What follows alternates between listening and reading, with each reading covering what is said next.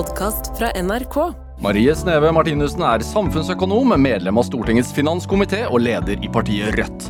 Martinussen har tidligere jobba i organisasjoner som Operasjon Dagsverk og Natur og Ungdom, og var i ti år nestleder i Rødt før hun ble leder. Hun er også en meget habil bassist, og turnerte i flere år med bandet My Little Pony. Dette er Drivkraft med Vegard Larsen i NRK P2. Marie Sneve Martinussen, velkommen til Drivkraft. Tusen hjertelig takk. Hvordan har du det? Jeg har det veldig fint, må jeg si. Ja, generelt? Ja, men det er jo veldig hyggelig å være her. Det er jo en av eh, de fine tingene med å være partileder, er at man eh, får lov til å snakke eh, til veldig mange. Du virker som om du er en person som eh, fra naturens side er prisgitt med mye energi. Eh, Det kan godt være, men så spiser jeg også veldig mye sukker. Jeg har bånda fem eh, twist her, eh, så det er litt kunstig substans også. Ja. Folk som sier at man ikke skal spise sukker. Ja, nei, det er jo ikke bra for helsa, men jeg, jeg gjør det. Og Når gjør du det? hver dag. Men så klart, det er jo Det er ikke å anbefale på noen som helst måte, men det gir ganske mye energi. Ja, Hva er favoritten? Det er alt. Japp, kanskje? Toppris? Japp, toppris. Jeg er ganske glad i sånne klassiske norske sjokoladebarer som man finner i hylla. Så ja. To ja. Troika, Japp, toppris. Sjokolade, altså. Ja, definitivt. Eh, Dette med bass. Ja. Det er et instrument. Det er et instrument. Ja. Hvor, du, hvor mange basser har du? Én bass. Jeg har en eh, Fender Mustang, som er en, eh, som er også, som er en litt eh, kortere bass enn en vanlig bass. Eh, og det har passa meg veldig godt, siden jeg ikke har så store hender. Ja. Men det er en veldig fin bass, ja. Eh, nei, altså, jeg Så det må man tenke på. eh, må ikke tenke på det, men det er jo eh, litt lettere å spille på når den er litt mindre. Hvilken farge? Den er vintage white, altså hvit, men ikke kritthvit. Hvor er den nå? Den er hjemme. På veggen? Eh, nei, den ligger faktisk i kassa si. Hæ? Ja. Hva, hva betyr det at den sjelden Hva heter det? Klamp, Nei, bass er jo liksom ikke helt det samme som en for eksempel akustisk gitar. Det kan man jo sitte og liksom klimpre på og spille godnattasanger. Det er liksom ikke helt det samme med en elektrisk bass. Du må jo du må ha forsterker og sånt. Eh, men eh, jeg har eh, i fjor, altså forrige vår, så hadde vi en reunion-runde med, med bandet mitt, og, og da sto den framme. Men ja. sånn til vanlig så ligger den trygt plassert i sin kasse. Ja, så det er ikke sånn at ja, nå har mor noe å fordøye, så da, da kommer bassen opp av kassa, og det klimpres Altså, det er sikkert noen som gjør det òg, ja. men det er ikke mitt eh, forhold eh, til bass, nei. Nei, hvorfor bass?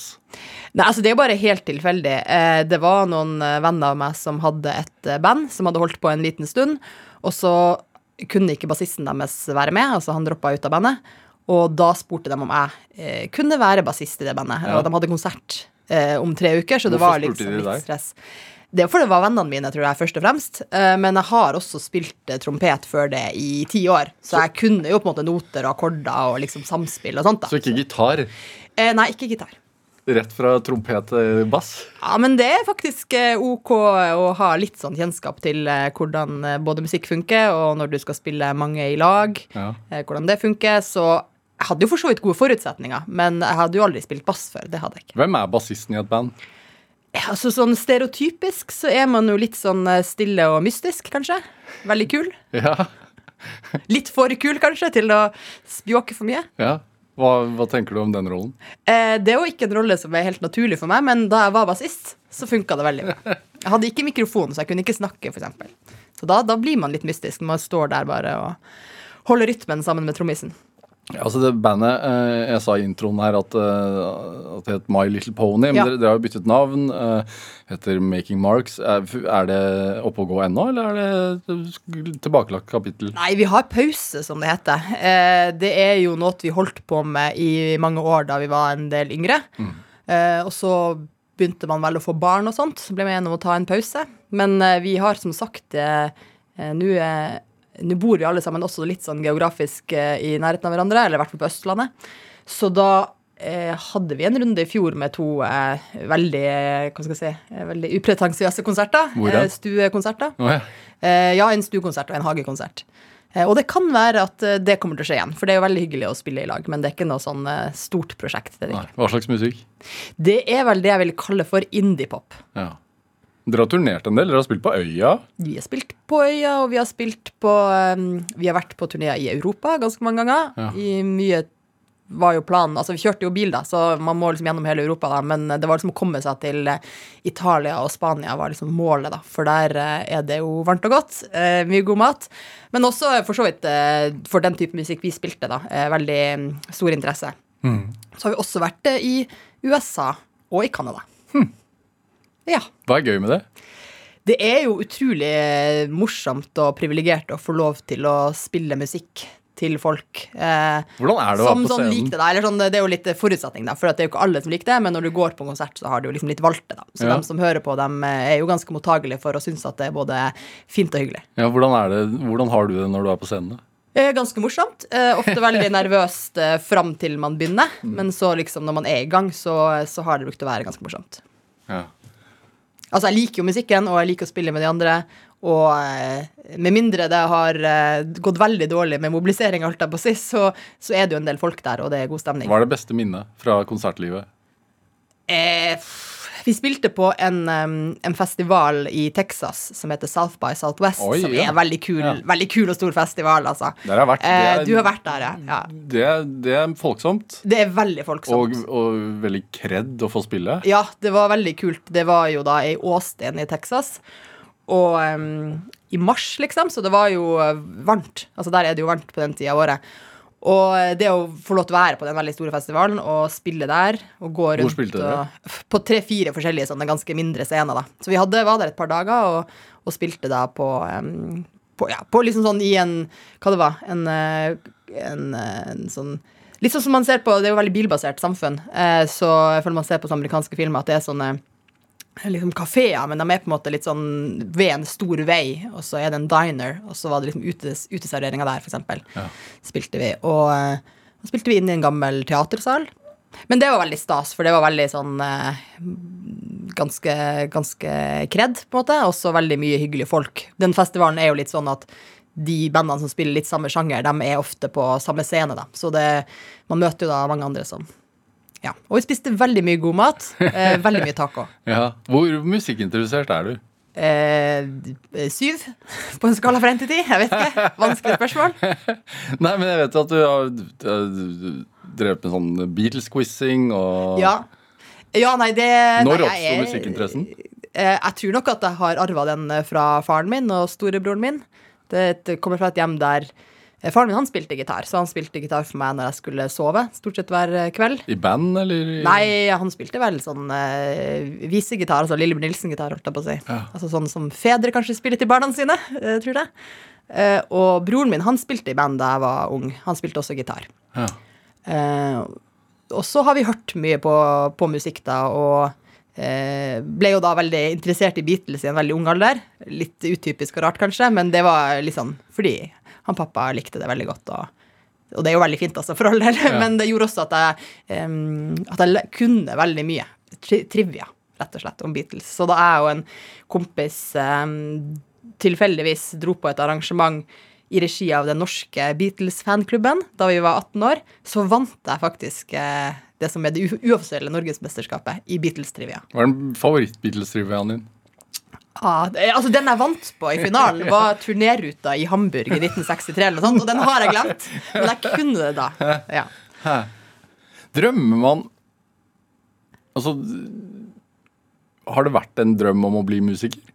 Eh, Ikke å, å bli på en måte profesjonell musiker, det tror jeg eh, Det er sikkert noen som har den drømmen også, men å spille musikk, det har jeg jo likt. Så jeg har jo spilt da trompet egentlig i storband eh, og i, eh, i eh, på å si mer sånn kirkemusikk. Ja. Sånn messingkvintett, på en måte. Og i korps. Eh, så jeg har jo likt å spille musikk. Eh, og så tror jeg nok at da jeg var ungdom, så hadde jeg lyst til å spille band. Men det var på en måte litt sånn som det ofte er, at det er liksom guttene som spiller band. Eh, Så jeg var i eh, Måten jeg løste det på, var at jeg arrangerte konserter eh, og festivaler. Så jeg var på en måte i bandmiljøet, da, men uten å spille i band. Hvor enn da? I Kirkenes. Ja, Og i Vadsø. ja, Hva het det? Festivalen? Vi arrangerte en festival som heter Bråk, men med to a, sånn at du kunne lese det enten bråk eller brak. Hva slags festival var det? Det var eh, at de bandene som fantes, altså ungdomsbandene i, i Øst-Finnmark, eh, spilte sammen. Og så arrangerte det i Kirkenes og i Vadsø. Så det var ganske kult. Vi arrangerte i Det var på det bandet fra Øst-Finnmark, Båtsfjord, eh, Vadsø, Vardø, Kirkenes. Og så arrangerte vi det i Kirkenes, og så tok alle buss, da. Men det var litt sånn eh, Drømmen er jo ofte å dra på sånn bussturné, men det her var da rutebussen mellom Kirkenes og Vadsø som eh, alle tok i lag. Og så spilte vi det i Vadsø. Hva hva er hemmeligheten for å lage et eh, bra bandmiljø? Altså, Bør man ha det samme politiske standpunktet? Nei, overhodet ikke. Nei, altså, det her blir jo nå er jeg blitt voksen, sant, og, da, da, da, og politiker, og da man sikkert, kan man jo mene ting om sånn det er viktig med ungdomsmiljø og sånt, men jeg, jeg, tror det viktigste er jo at ungdom får sjøl lov til å lage de miljøene som det på en måte føles naturlig at det er der. Og på den tida jeg vokste opp i Kirkenes, så var det et veldig sterkt bandmiljø. Også fordi det fantes um, steder, fasiliteter. Det fantes noe som heter Rockebrakka, som var ei gammel bygningsbrakke uh, der man hadde Der det var mye utstyr, så det var lett, liksom, og, og sånt. Og det, der var det noen voksne det var det, som også hadde band, og de var veldig gode på å uh, slippe inn ungdommen, og man fikk lov til å låne utstyr og prøve utstyr og sånt. da. Så jeg hadde vel et par ganger jeg fikk lov til å prøve, men jeg, jeg ble liksom ikke med i noe band. Dette er Drivkraft med Vegard Larsen i NRK P2. Og i dag er eh, leder i Rødt, Marie Sneve Martinussen, her hos meg i Drivkraft på NRK P2. Eh, oppveksten din. Eh, Sandnes? Ja. Heter det det? Det heter Sandnes, ja. Ja. Sør-Varanger? Ja, det heter kommunen. Ja. Hva, hva, slags sted er det? Altså, hva snakker vi om? Ja, altså, eh, Sandnes er jo da et lite sted utafor Kirkenes. Nei, Vi var vel kanskje 90 stykker på barneskolen. Så eh, jeg vet ikke hvor mange som bor på Sandnes, egentlig, men det er også veldig spredd, på en måte. Men det er jo da utafor Kirkenes, og Kirkenes er jo da eh, i 100 år eh, altså det, Som en norsk by så er det etablert som en gruveby. Mm. Det er derfor man, eh, man har Kirkenes. Eh, og før det så bodde jo klart både samiske og, og, kvenske der, men det ble etablert som en gruveby. Og eh, Bjørnevann er der selve gruva er, eh, altså dagbruddet og der man henter malmen ut fra fjellet. Mm. Og det er liksom rett ved siden av Sandnes. Så jeg gikk på ungdomsskole i, i Bjørnevann, rett ved siden av eh, gruva. Ja. Hvordan ser man gruva? Eh, den eh, er jo Man ser veldig godt, fordi at eh, det er jo veldig flatt der. Et, altså det er jo um, ikke så veldig høye fjell. Mm. Og det betyr at uh, når man da har i 100 år sprengt fjellet og tatt ut jernmalmen, så har man jo bygd store tipphauger. Og de tippøyene er jo helt enorme. altså jeg har vært oppe og gått på dem både til fots og, på ski, og det er jo Det er som sånne flate topper i landskapet, som man for så vidt ser fra både der jeg bor, men der jeg gikk på ungdomsskolen, så hørte vi også eh, eksplosjonssalvene fra gruvene, som jo da gikk flere ganger. Ja, det var jo litt uavhengig av hvor i produksjon man var, da, men mm. eh, det var et åpent dagbrudd. Hvor mange jobbet der? Sånn, uh, i, på det meste mange tusen. Ja, Men i ditt liksom miljø? Eh, I mitt miljø? Altså den gruva den uh, har jo da eksistert siden uh, tidlig på 1900-tallet. Og på 80-tallet begynte det å gå ganske dårlig med den uh, pga. jernprisene og sånt. Mm. Og da jeg var barn og ungdom, så gikk den konkurs for første gang. Og så har den vært gjenåpna og gått konkurs flere ganger mm. etter det. så en av de store tingene i min barndom var jo at gruva gikk konkurs. og at det var for så vidt kamp mot det, fordi den var jo annet statlig eid, eller staten var inne som eier. Så det er jo et stort monument, eller et monument i Kirkenes, da, over det stortingsvedtaket, som jo på en måte la ned gruva. Hadde du foreldre som jobbet der? Jeg hadde ikke foreldre som jobba der. Jeg hadde onkler og på sine naboer og sånt. Det var jo eh, veldig mange ulike yrkesgrupper altså for så vidt som jobba der. Og... Hva gjorde moren og faren din, da? Eh, de var, da jeg vokste opp, eh, fysioterapeut og radiograf. Ja. Helsevesenet, altså? I helsevesenet. Kirkenes har jo også et av uh, to sykehus i Finnmark, så det er også den, en også veldig stor uh, arbeidsplass i Kirkenes. Ja. Hvordan var det hjemme hos dere? Det var veldig vanlig, tror jeg. Hva er det? Hva er vanlig? Furupanel. Ja. To, altså to søsken. Altså vi var, tre, vi var tre barn og to foreldre. Hvor er du? Hadde Volvo. Jeg er midterst. Dritten i midten. ja, det er jeg. Men det det gir mye i livet. Det betyr at man både kan være storesøster og lillesøster. Ja, Hva gir det? Eh, jeg vet ikke helt. Man lærer seg å innordne seg etter storebror, og så lærer man seg å bosse med lillesøster. Ja. ja. Er det eh, Hva var de opptatt av, moren og faren din, da du vokste opp? Eh, vi Altså, det det er jo typisk sånn når man da blir spurt om sånne her ting som, eh, som liksom 38-åring, så skal man prøve å på en måte eh, huske tilbake og, og forklare ting. Men eh, jeg er jo Foreldrene mine var ikke liksom politisk aktive i noe parti eller organisasjon, eller sånt, men var nok opptatt av en del politiske spørsmål. Eh, for eksempel så husker jeg EU-avstemninga veldig godt. Mm. Da var jeg åtte-ni år, så det er liksom det at jeg husker det veldig godt, må jo bety at vi har snakka mye om det, og det har vært eh, liksom viktig.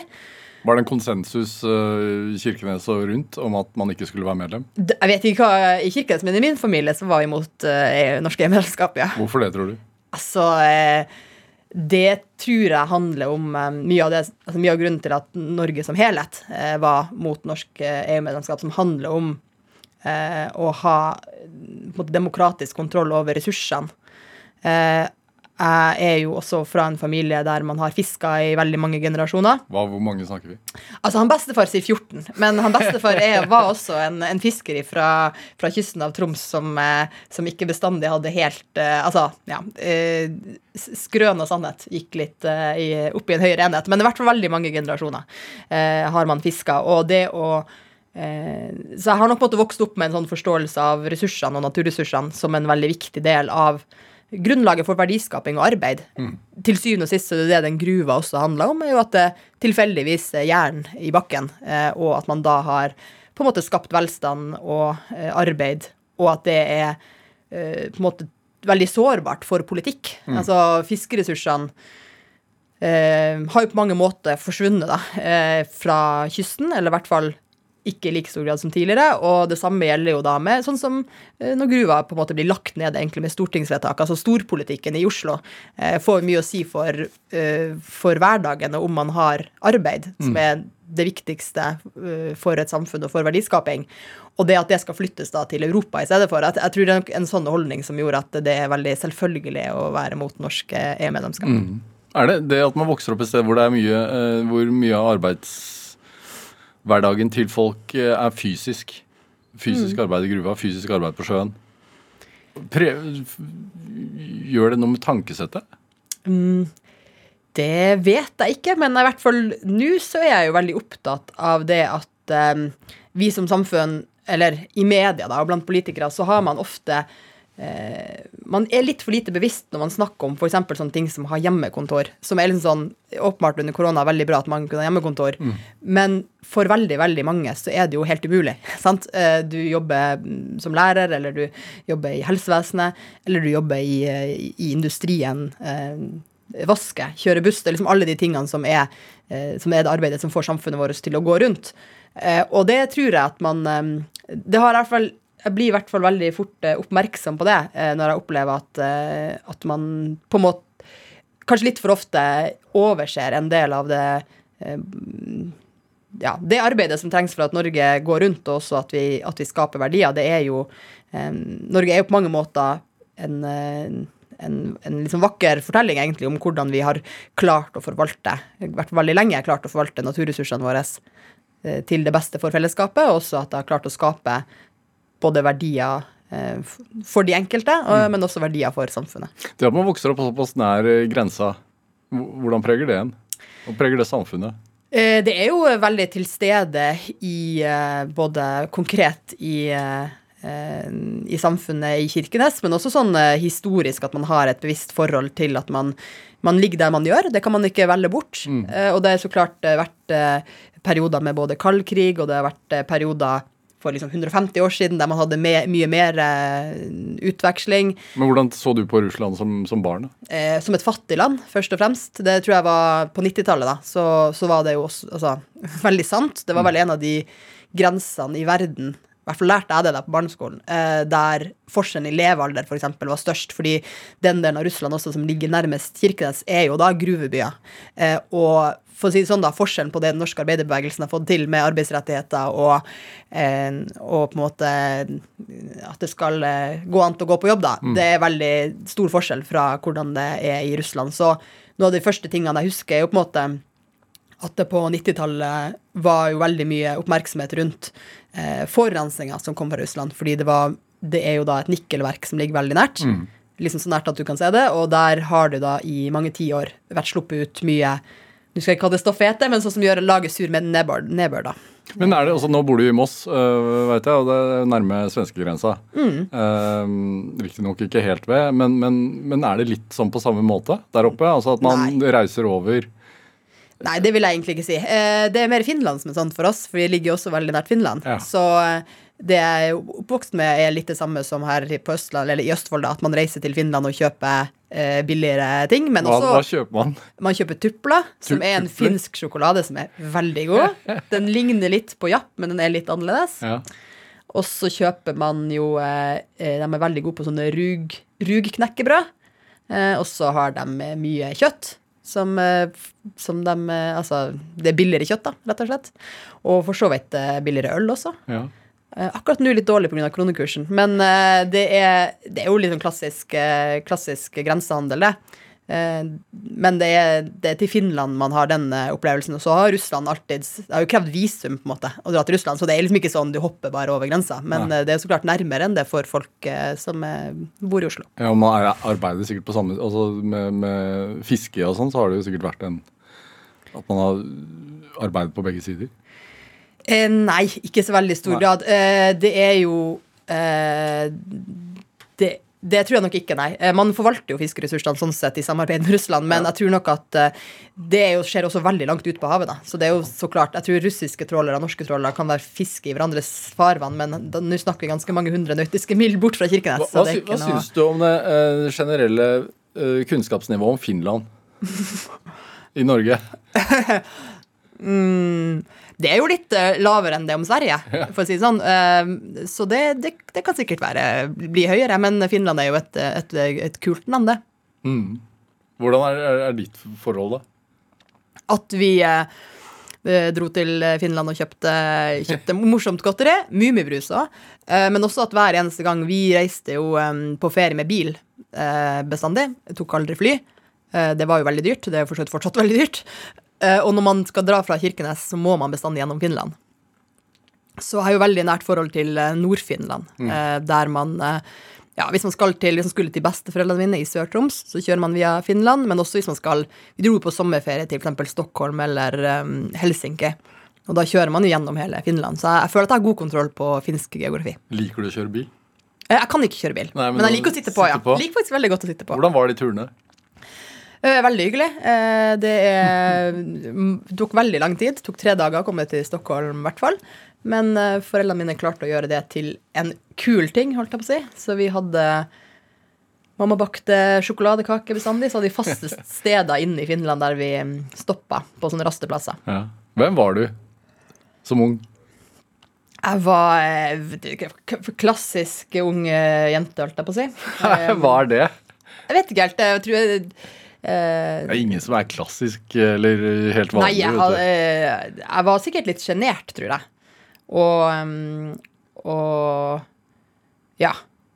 Så var jeg liksom litt treg med å lære, med, lære ting i begynnelsen på skolen. Litt treg med å lære å lese og sånt, men ikke sånn at det var et problem.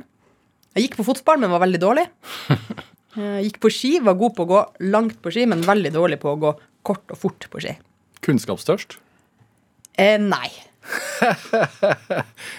Nei, altså at jeg, Ikke sikkert når jeg ble litt eldre, da, men som barn så, så gikk han jo på skolen, liksom. Det gjorde jeg jo. Men eh, jeg kan ikke si at jeg Ja. Jeg tenkte ikke så mye på det, nei. nei. Elevrådsleder, liksom? Nei.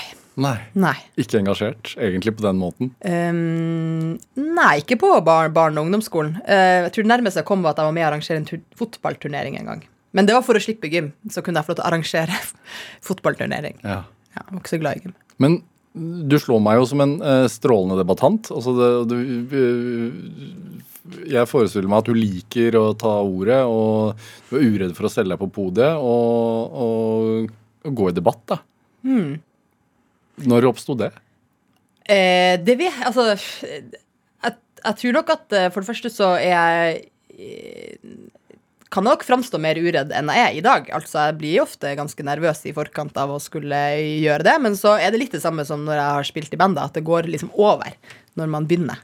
Men jeg bruker å passe på å si det spesielt til alle mulige damer jeg kjenner. For det, det er veldig vanlig at alle tenker at de sjøl gruer seg veldig mye til det de skal gjøre. Om det f.eks. er å eh, holde liksom en et kort eh, presentasjon på et ganske lite møte på jobb, eller sånt, og så tenker man at alle andre dem, dem får til alt så veldig bra. Men jeg tror at eh, det er ganske vanlig og menneskelig å si, både være nervøs og grue seg. og at det er litt den samme mekanismen om det du gruer deg for, er å ta ordet på foreldremøte på skolen, eller om det du gruer deg til, er å ta ordet liksom, i Stortinget, så er det litt den samme gruinga, egentlig. ja, ja. Og så klart, eh, for meg, da, så har jeg jo grua meg til én eh, ting, og så har jeg fått det til, og da er det neste ting. Og så nå så eh, går det veldig greit å ta ordet, åpenbart, på et foreldremøte, men så, går det, så er det fortsatt eh, Har både respekt for det at jeg, holdt jeg på å si skal si noe som er vits å si, og vits at folk hører på. Mm. Eh, men det, eh, det tror jeg er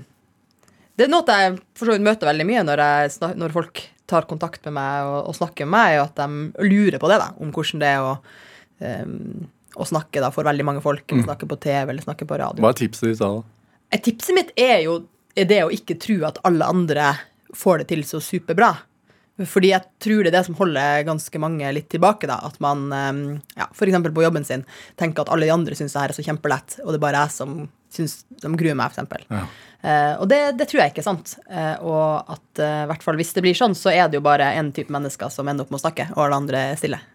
Hmm. Når, når oppsto den visdommen? Og så var det et Er det en periode i livet ditt hvor du tenkte sånn Nei, nå må jeg altså begynne å heve stemmen? Siden du beskrev deg selv som sjenert? Eh, nei, jeg tror ikke jeg liksom tenkte sånn aktivt over det, men det var litt det der at man, man har kanskje har lyst til å gjøre noe, og så syns man det er litt skummelt, og så gjør man det, og så går det greit. Og da, da, da går det litt lettere neste gang. Har du blitt oppfordret til det hjemme? Å, å si ifra, dere barna? Eh, nei. jeg tror ikke det, altså. Eh, det er ikke noe som jeg har, eh, har blitt liksom pusha på i det hele tatt. Jeg er blitt oppfordra til å gjøre det jeg har måte, lyst til å gjøre. Er de overrasket over at du ble politiker? Mm, jeg tror det er litt sånn 50-50. Det var noen sånn type søskenbarna mine og sånt, som, som syntes det var overraskende for at de husker at jeg, ja, at jeg var veldig veldig sjenert. At det sånn sett er litt overraskende. Men jeg tror um, en eller annen gang i løpet av ungdommen så begynte jeg jo på en måte å, å både mene veldig mye om samfunnet og, og, og, snak, og snakke mye om det. Så eh, hvis du spør lærerne mine på videregående, så er de kanskje ikke så overraska. Hva var det som vekka det, da? det må liksom vært en sånn blanding av litt ulike saker, da, men, eh, men for eksempel eh, En av de største eh, demonstrasjonene jeg var på da som ung, var for sykehuset i Kirkenes. Altså at man skal beholde to sykehus i Finnmark. Det har jo vært et tilbakevendende tema at man, man planlegger å legge ned enten Hammerfest eller Kirkenes. Og da var jo Kirkenes sykehus liksom trua av nedleggelse, og det er klart det har enormt mye å si for for folk. Mm. Eh, og vite at man har et sykehus som eh, tar vare på deg hvis du blir, blir syk. Og det var jo eh, fakkeltog, liksom. Eh, og kampsak hjemme hos dere også, ja, da, siden det var, det var folk eh, som jobbet i helsevesenet? Ja, men det tror jeg er Det, det merker du nå også når eh, ja, det har jo vært kuttforslag i Helse Nord som har blitt nå stoppa eller lagt på is. Og det engasjementet for, for sykehusene er enormt stort, og det er Det handler jo om at man skal være trygg hvis du du du har små barn og du bor et sted, eh, at de får den helsehjelpa de trenger mm. hvis noe skulle skje. Og det å være trygg for helsehjelp, det er jo en helt grunnleggende Det er helt grunnleggende for at du skal i det hele tatt kunne bo et sted. Da. Så det handler ikke nødvendigvis bare om arbeidsplassene sykehuset skaper, for det kunne jo for så vidt andre ting også skapt. Men for alle eh, som bor i da Øst-Finnmark, egentlig, at man da vet at Eh, at man ikke, ikke at, eh, ja, at, man kommer seg fram i tide til å få den hjelpa man trenger. Mm. Hva tenker du om livsgrunnlaget i Kirkenes i dag, da? Jeg mener jo at det er på å si eh, stort. Vi har jo Det er jo naturressurser både i form av fisken i havet, mm. på å si, er jo fortsatt der. og så er det jo det har jo også vært på mange måter en, en, omstilling av byen fra å være veldig avhengig av gruver og industrien til å ha flere si, bein å stå på med annen type si, maritim industri og eh, annen type produksjon. Og eh, det er, mener jeg, viktig. Og så er, er det jo da litt viktig at politikken litt sånn følger opp det, da. For det er klart, eh, i dag òg, hvis du fjerner sykehuset, så, så blir det rett og slett skummelt for folk å bo. Og noe av utfordringa rundt i deler av landet i dag er jo ikke egentlig eh, at man ikke har arbeidsplasser, men at eh, man ikke har folk som er villige til å flytte dit. da. Hva syns du om norsk helsevesen? Jeg syns jo at eh, det er helt, eh, på en måte helt fantastisk. At det er en eh, resultat av, av at eh, på å si både eh, Altså at man har kjempa fram et felles helsevesen som, eh, som skal ta vare på alle, og der du skal få hjelp uansett hvordan økonomi du har. Det er helt fantastisk. Men det gjør også at det er en del av samfunnsstrukturen som vi må ta vare på. Og at det er jo mange plasser i landet nå at man er bekymra for, for sykehuset sitt, bekymra for fødetilbudet sitt. Og det sånn, sånn burde det ikke være, for å si det sånn. Eh, Vi har eh, muligheter til å, eh, til å ha et godt helsevesen i hele landet. og de her eh, sykehuskampene, de, de fyrer opp veldig mye engasjement i folk. Og det er kanskje noe av det jeg husker da fra, fra 90-tallet, eh, at det var en veldig stor sak, som jo da endte med at man har to sykehus i Finnmark, og det, det har man fortsatt bank i bordet. Hvordan opplevde du fødetilbudet? da? Jeg fødte Ja. eh, Ja, skal man, kan man ikke si? Eh, Det var veldig bra at jeg var i Oslo, fordi at det gikk fryktelig fryktelig fort. Ja. Så hvis jeg hadde bodd et annet sted enn eh, såpass nært sykehuset, så hadde ikke jeg rukket fram eh, før eh, ungen kom ut, for å si det sånn. Eh, så det var jo sånn sett flaks, og jeg fikk jo en fantastisk hjelp av jordmor og, og dem som jobba der. Men det er jo et tankekors at eh, ja, man blir på en måte fortalt at med første så, så skal det ta lang tid, eh, og så plutselig så tar det ikke så lang tid. Og da er jo den eh, Hva snakker vi? eh, Nei, altså vi snakker vel tre timer fra liksom første eh, ri til ungen var ute, men En såkalt styrt, styrtfødsel? Ja, det er en styrtfødsel. styrt fødsel. Men eh, det er jo typisk sånn som jeg tror eh, jeg har skjønt at det er veldig vanlig at du ringer til sykehuset, og så sier de eh, ta en Ibux og ta en varm dusj og sånt, og så, og så må du liksom sjøl på et eller annet tidspunkt tenke at nei, det her føles ikke riktig. Så vi var knapt inn døra før ungen, altså på sykehuset før ungen var ute, og hadde jeg da bodd et sted hadde jeg bodd på Helgelandskysten Ja. eller hadde jeg bodd på Finnmarkskysten, så hadde jeg jo ikke rukket fram. Nei. Hva tenker du om det? Nei, det gjør nok at jeg har eh, At liksom føde- og barselstilbudet er en eh, viktig sak for meg, og at eh, eh, Jeg mener jo generelt at vi burde kunne bruke enda mye mer ressurser på å sikre eh, trygghet eh, si, for, for alle som som går med barn i magen, om at når den skal ut, så, så får du den hjelpa du trenger.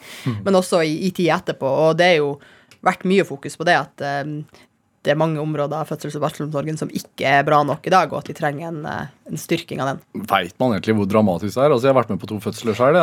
Man er jo fullstendig blåøyd. I hvert fall første gang gang man er med på det. Man aner jo ikke hvor dramatisk det er. Nei, og det her er jo faktisk et et litt interessant paradoks som jeg tenkte mye på da jeg var i, i mammapermisjon, at på en måte så er jo fødsel og barsel da den første tida med, med baby, det er jo noe av det vanligste og minst unike i menneskets historie. Ja. Fordi det har åpenbart skjedd i millioner av år. Eh, Og de samme drivkreftene er på en måte er der. Og si, fødselen er ganske lik, og babyen trenger det samme som den har trengt i millioner av år. Øh, Men likevel så er det, som du sier, da, et, et sjokk for dem som opplever det. Og ikke minst så er det ganske lite eh, eh, Jeg tenker jo at de på en måte snakker og diskuterer det for lite sånn politisk, da. fordi når man Nå har det jo i flere år eh, vært en nedbygging egentlig av fødetilbudet. Vi har stengt flere fødeavdelinger. Samtidig som vi blir oppfordret til å få flere barn. Ja, og det, og det her er litt sånn Det går i hvert fall en faen i meg på det at eh, hvis, vi hadde, hvis det hadde vært menn altså Det er jo litt, litt Det er jo ikke Det er i hvert fall litt fristende å tenke det, da. At hvis det hadde vært menn, så hadde man på en måte snakka om det kanskje på en annen måte, og man hadde, eh, man hadde prioritert det på en annen måte. Eh, men så er det liksom noe med at eh, fødsel og barsel det snakker vi om i liksom kvinnekollektivene og med venninnene våre og mødrene våre. Og det blir veldig sånn eh, nært og intimt, og det er det jo. Det handler jo om kroppen vår. Men for det politiske så er det jo eh, en, en rettighet, tenker jeg, og en respekt for det arbeidet egentlig som damer gjør da, når man føder barn, som, eh, som mangler litt, da. Tenker jeg. Og nå er det morsdag på søndag. Eh, det burde egentlig være morsdag hver eneste dag.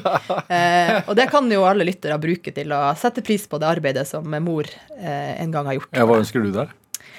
En tegning. God, Marie Sneve Martinussen, går det ofte en faen i deg? Det går ofte en faen i meg. Jeg syns vi skal spille litt musikk. Um, det er på sin plass å spille litt Making Marks, er det ikke det? da? Bandet ditt? Ja, altså, nå vil jeg understreke at det var ikke min idé, men uh, du spurte om det før sending, og da tenkte jeg at det kan vi godt gjøre. Vi skal spille en låt som heter Barcodes. Ja, Har det noe med uh, barcode i Oslo ja det gjør, er det, vet du. Hvis du, hvis du hører nøye- etter, så er det vel en, en slags kritikk da, av Barcode som uh, det her er jo en låt fra 2013-2014. Da var det jo debatt om den utbygginga. Ja. Og den sangen handler vel for så vidt litt, litt om det.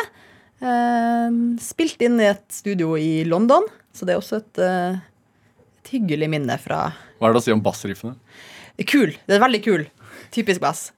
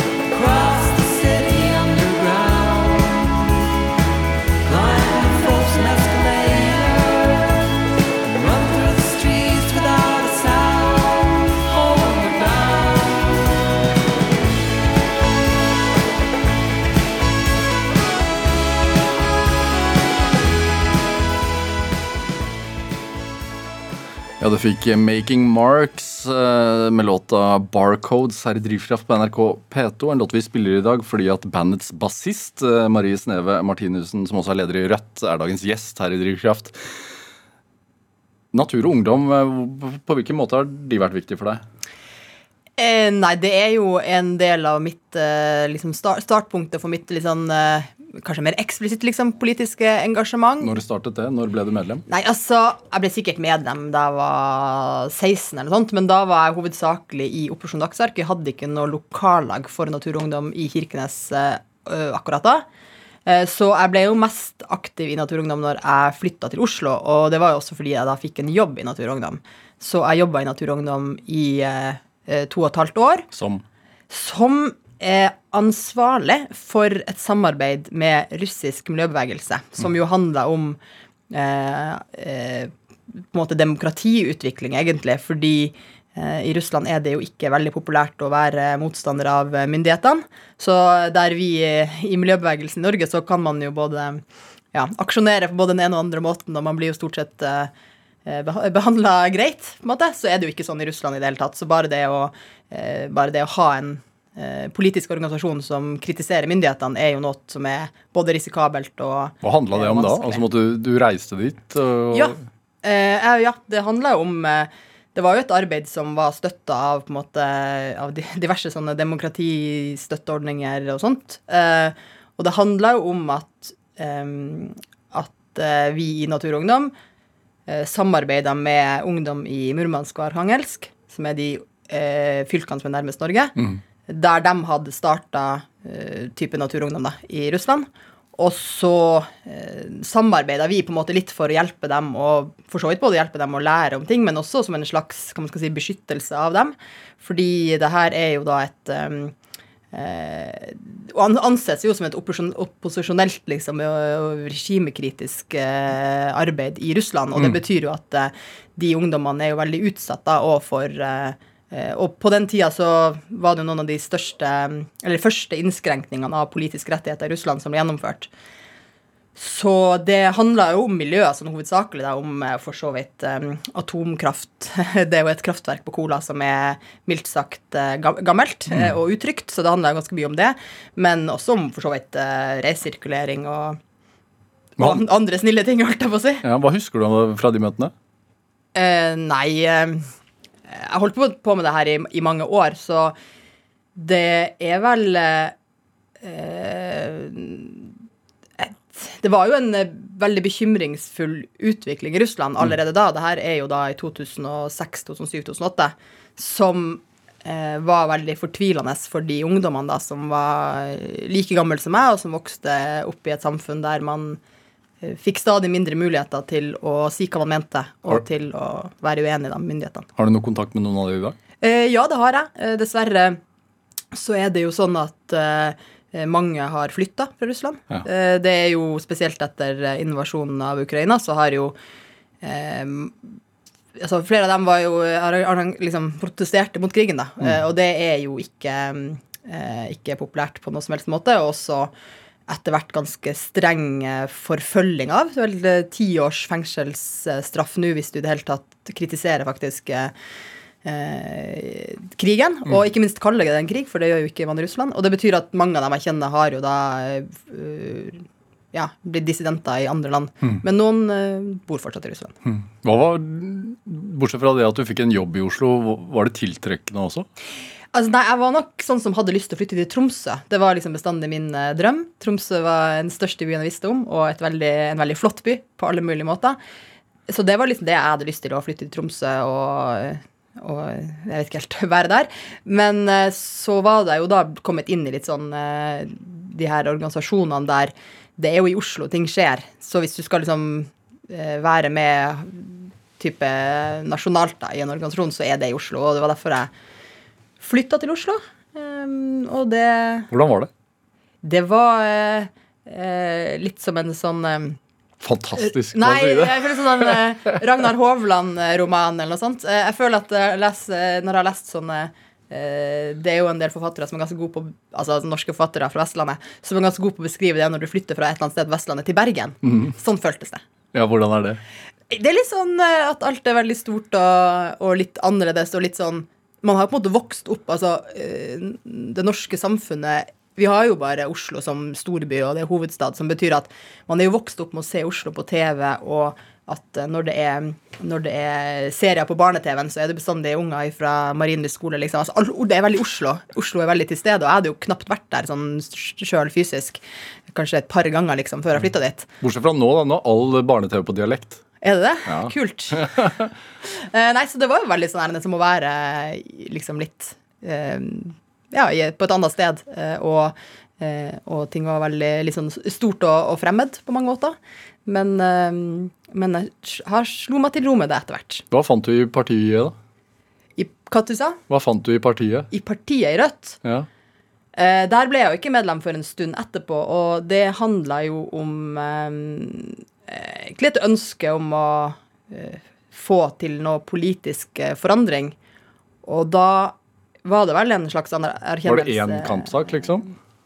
Eh, jeg tror finanskrisa var for så vidt litt viktig for det, fordi at eh, jeg vet ikke om man husker det, men finanskrisa det var jo veldig stor overraskelse for eh, folk. At det var liksom megakrasj i, i amerikansk økonomi, eh, boligmarkedet i, i USA, men det smitta jo da også over på både Europa og Norge.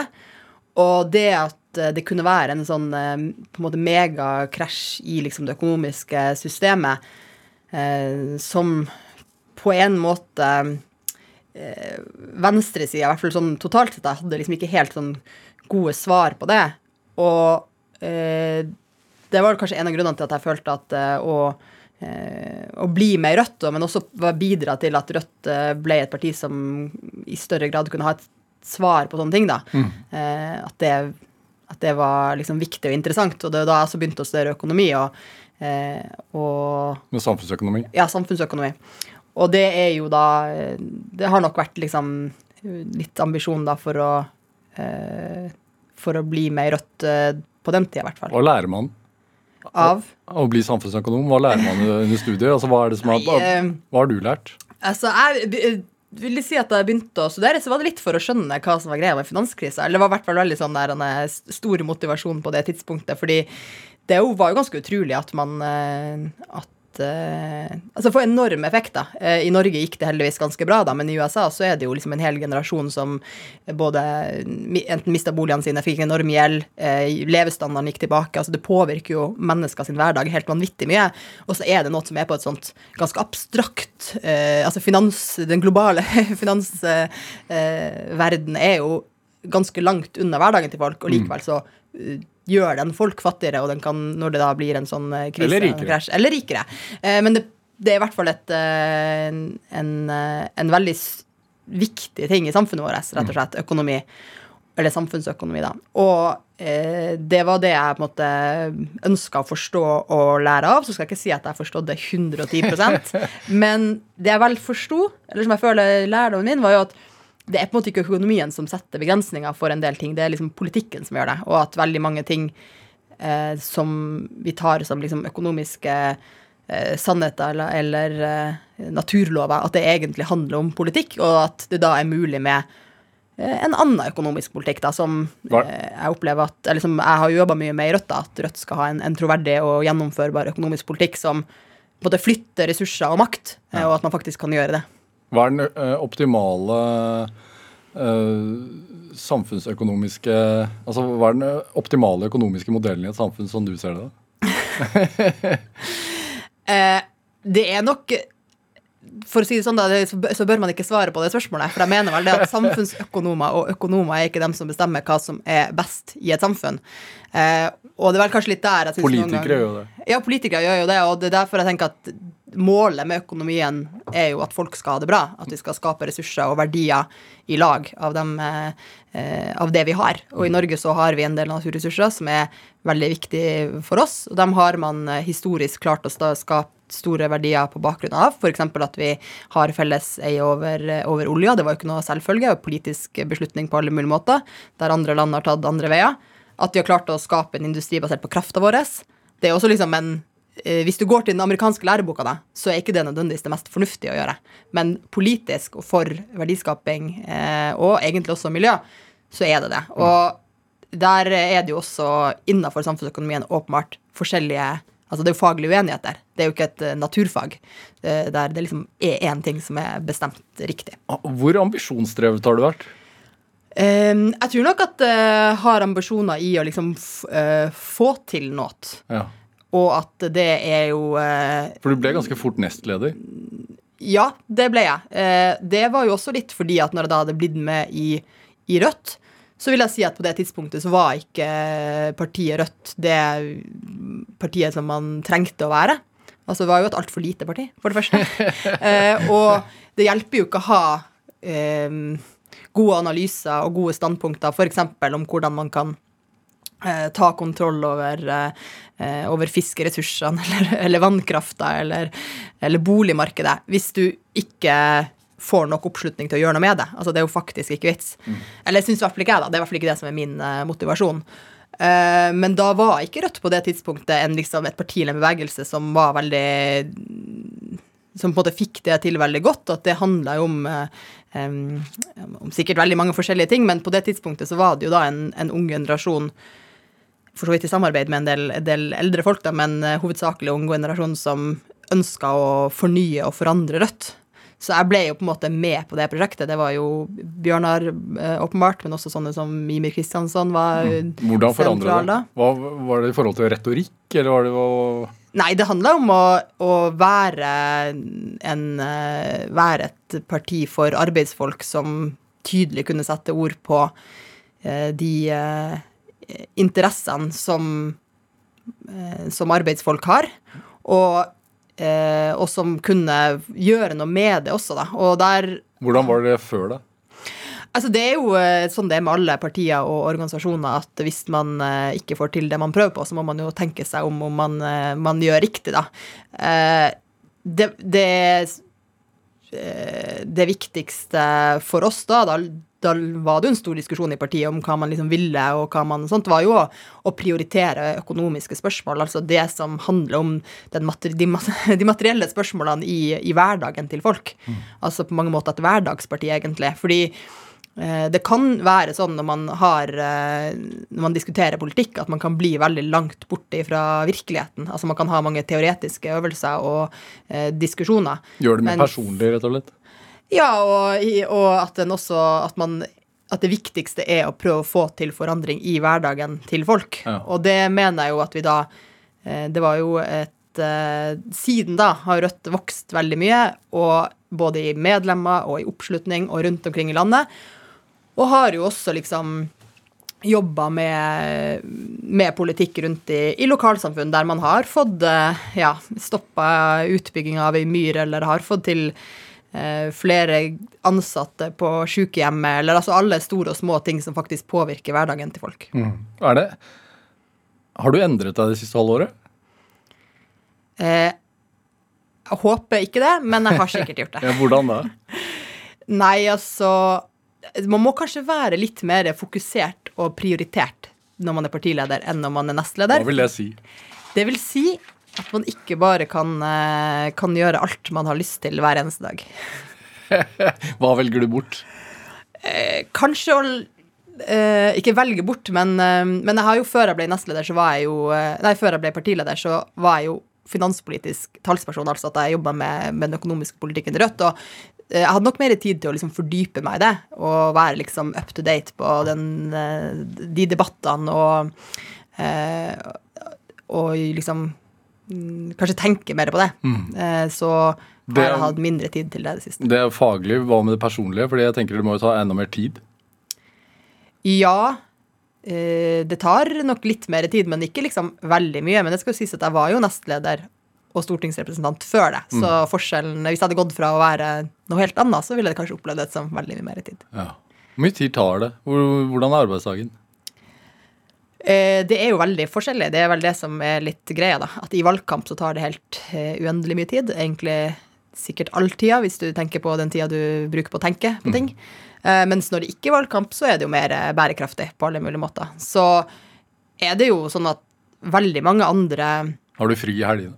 Eh, ja, de fleste helgene. Jeg har fri oftere enn en sykepleier og en jordmor, tror jeg, i helgene. For det, Jeg har i hvert fall veldig mange på si venner og slektninger som har eh, yrker der de både jobber veldig mye, eh, ganske ugunstige tidspunkter, og ikke minst at, eh, at de jobber veldig hardt og har mye ansvar. Så i forhold til det så syns jeg at det går ganske greit. Ja. Liker du makten du har fått? Eh, jeg er vært veldig bevisst på at jeg har makt, og det tror jeg er veldig viktig å ta inn over seg. Fordi som folkevalgt eh, generelt, så har du, har du makt egentlig hver eneste dag. Du går til valg på et partiprogram, og det er bestemt demokratisk, og der har veldig mange i Rødt veldig mye makt. Men det er likevel jeg som ja, velger hva jeg, hva jeg sier nå, og hva jeg bruker den talerstolen jeg har, til. Og det tror jeg at man eh, må være bevisst på. Hvis ikke så kan man jo fort ende opp med å misbruke den makta, eller ikke bruke den godt nok. Fordi som i Spiderman-filmen, så er det jo også at hvis man har mye makt, så har man også ansvar. Hvor lenge håper du å være leder, da? Eh, Det er et eh, spørsmål uten svar akkurat nå. Eh, Vi har landsmøte i mai, og jeg har foreløpig ikke bestemt meg for om jeg stiller til gjenvalg eller ikke. Nei, så du tar deg én dag av gangen. En, gang, en dag av gangen. Eh, Marie Sneve Martinussen, hva er drivkraften? Altså, det er jo sukker og fett som er det riktige svaret. Salt òg, kanskje. Det er det jeg er fint å slutte med. Tusen takk for at du kom hit til Drivkraft. Hør eh, flere samtaler i Drivkraft på nrk.no eller i appen eh, NRK Radio. Send oss ris eller ros, og også tips til mennesker du mener har drivkraft. Send den e-posten til drivkraft, krøllalfa, nrk.no.